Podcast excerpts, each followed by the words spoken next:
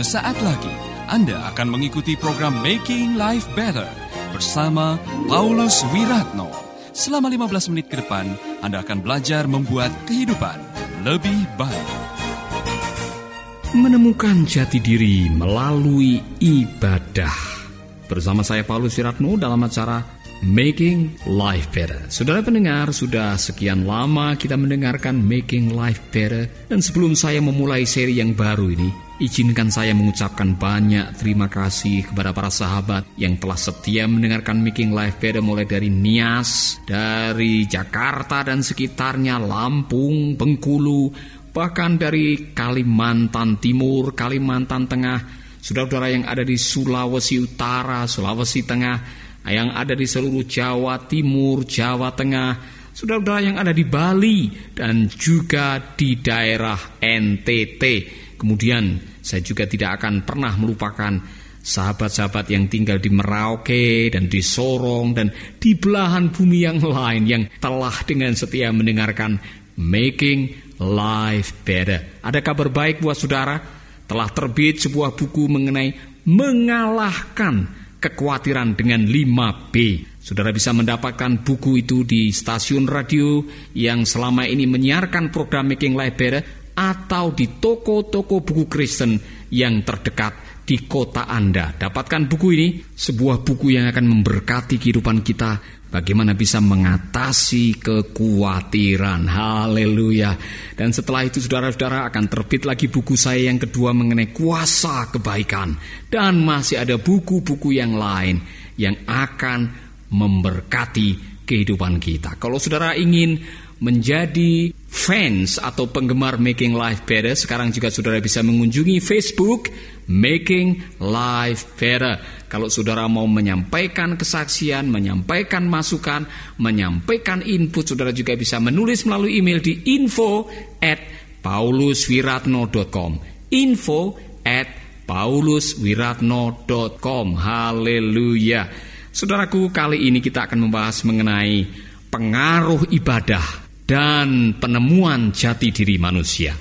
Di dalam Mazmur pasal yang ke-100, ayat yang ketiga dikatakan begini, Ketahuilah bahwa Tuhanlah Allah, dialah yang menjadikan kita dan punya dialah kita, umatnya dan kawanan domba gembalaannya.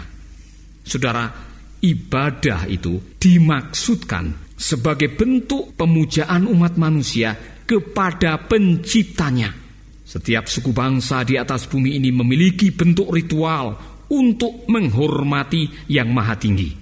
Di dalam Alkitab diceritakan bahwa sejak manusia lahir di atas bumi, manusia sudah memiliki kesadaran yang cukup tinggi akan pentingnya penyembahan atau ibadah.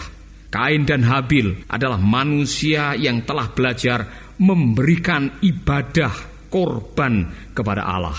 Nah, sebelum bangsa Israel dilahirkan, Bangsa-bangsa yang berada di Timur Tengah bahkan sudah mengembangkan sistem penyembahan yang lebih maju.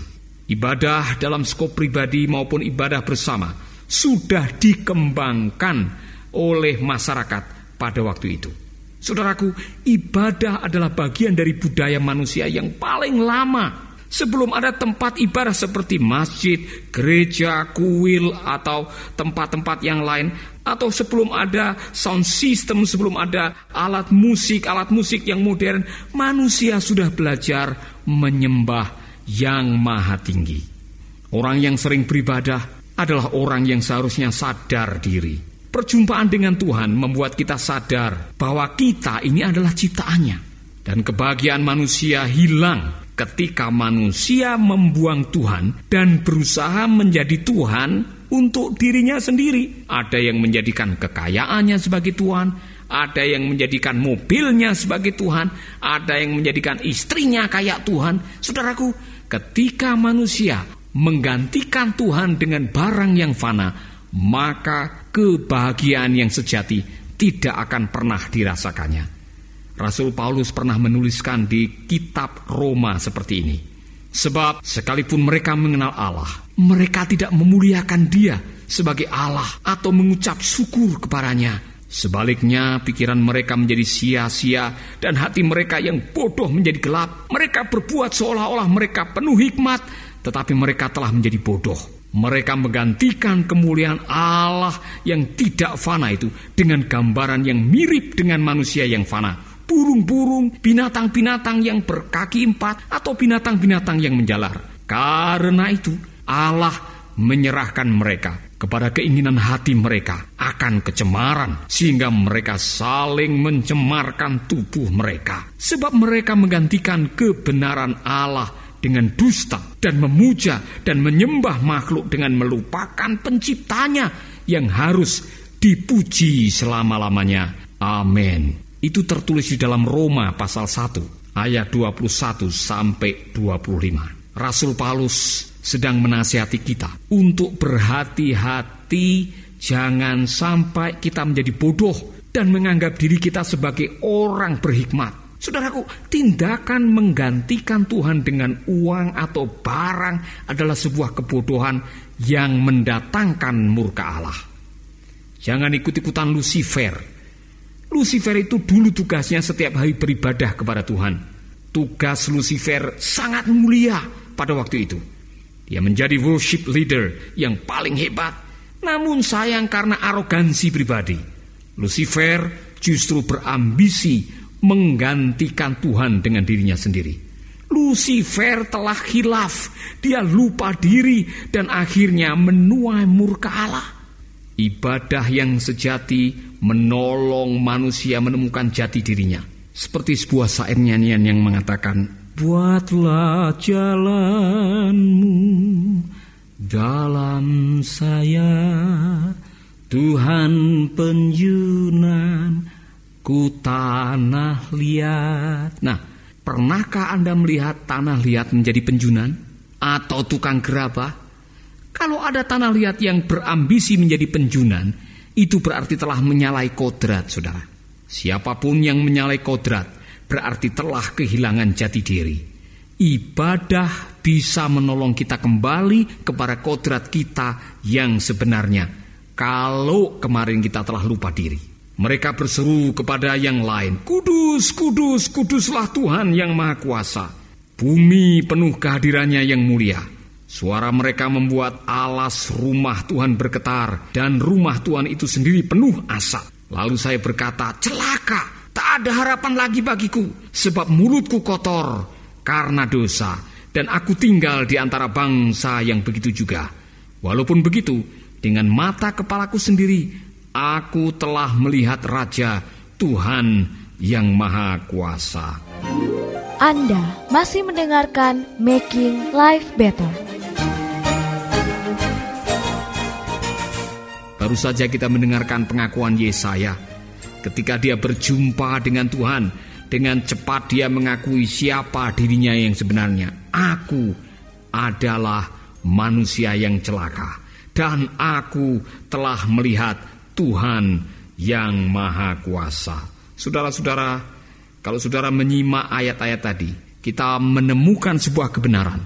Ketika manusia masuk dalam hadirat Allah berjumpa dengan Tuhan, ada sebuah kesadaran diri, yaitu menyadari siapa kita yang sebenarnya dan siapa Tuhan yang adalah Sang Pencipta.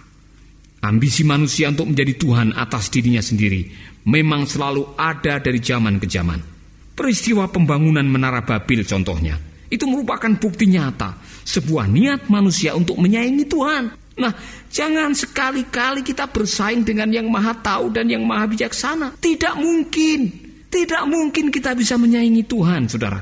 Kalau ada manusia yang mengaku sebagai Tuhan, itu sudah keblinger namanya. Salah konsep, udah ngawur, sudah membingungkan banyak orang. Akhir-akhir ini santer diberitakan kalau ada yang mengaku sebagai jilmaan malaikat Jibril atau titisan sang juru selamat atau nabi yang baru yang mengaku lahir dari kuasa Roh Kudus.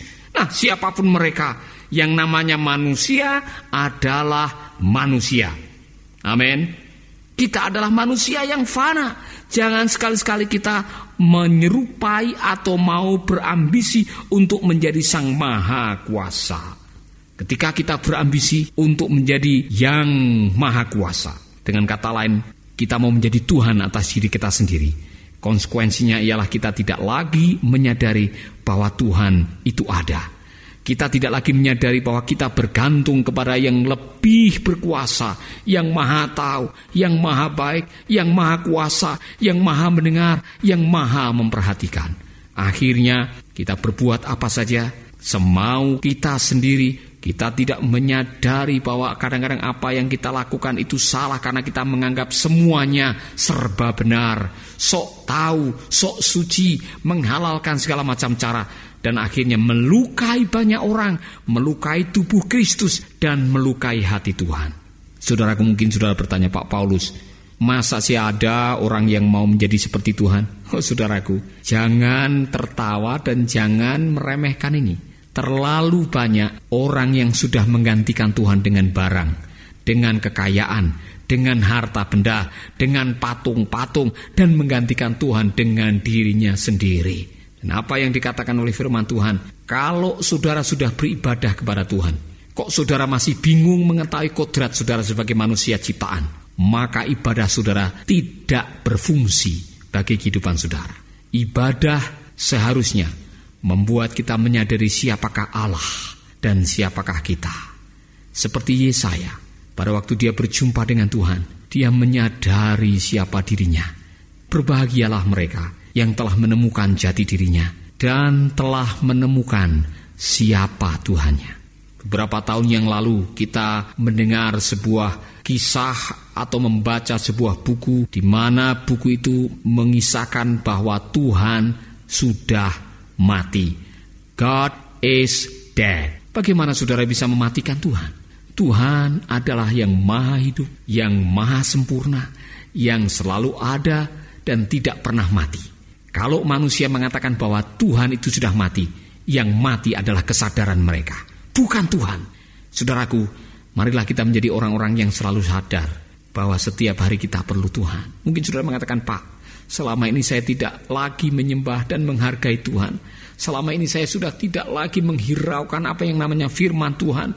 Saya tidak berdoa lagi, saya tidak membaca firman. Saya jauh dari Tuhan. Dan inilah hidup saya sekarang. Saya hancur, saya terkapar, saya sekarat, saya hidup dalam lembah kekelaman. Dan saya tidak pernah menikmati kebahagiaan. Dan saudara sadar bahwa engkau adalah ciptaan. Dan Tuhan yang maha pencipta rindu untuk engkau pulang kembali. Pulanglah anakku dia membuka tangannya lebar-lebar dan membiarkan engkau kembali karena dia mengirimkan anaknya yang tunggal supaya bisa menyelamatkan yang terhilang seperti saudara. Kalau saudaramu datang kepadanya dan katakan ampuni saya, Tuhan dengan senang hati memeluk saudara. Terimalah kehangatan cinta kasihnya. Mari kita berdoa. Bapa di surga, sekarang juga aku berdoa buat sahabat-sahabatku yang hari ini mau kembali setelah sekian lama mereka lupa diri, mereka tidak menyadari kodrat sebagai manusia dan melupakan Tuhan sebagai Sang Pencipta. Aku datang kepadamu dengan mereka. Ampuni dosa mereka. Berikanlah kepada mereka kesadaran penuh dan kembalikanlah sukacita dan kasihmu serta damai sejahteramu. Di dalam nama Yesus kami berdoa. Amin. Tuhan memberkati saudara. Jangan lupa dengarkanlah Making Life Better seri yang berikutnya. Tuhan memberkati.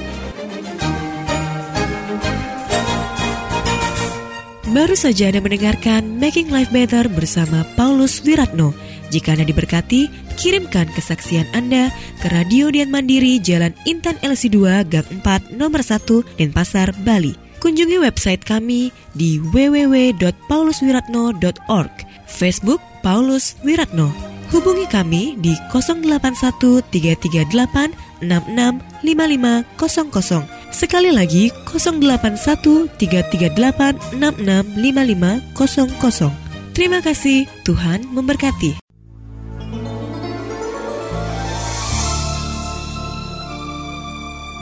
Keluarga Gracia, biarlah firman Tuhan selalu menjadi pelita dalam hidup kita sepanjang tahun ini. Dengarkan selalu radio Suara Gracia di 95,9 FM, streaming di suaragratiafm.com/streaming atau dengan aplikasi Android Radio Suara Gratia yang tersedia di Play Store.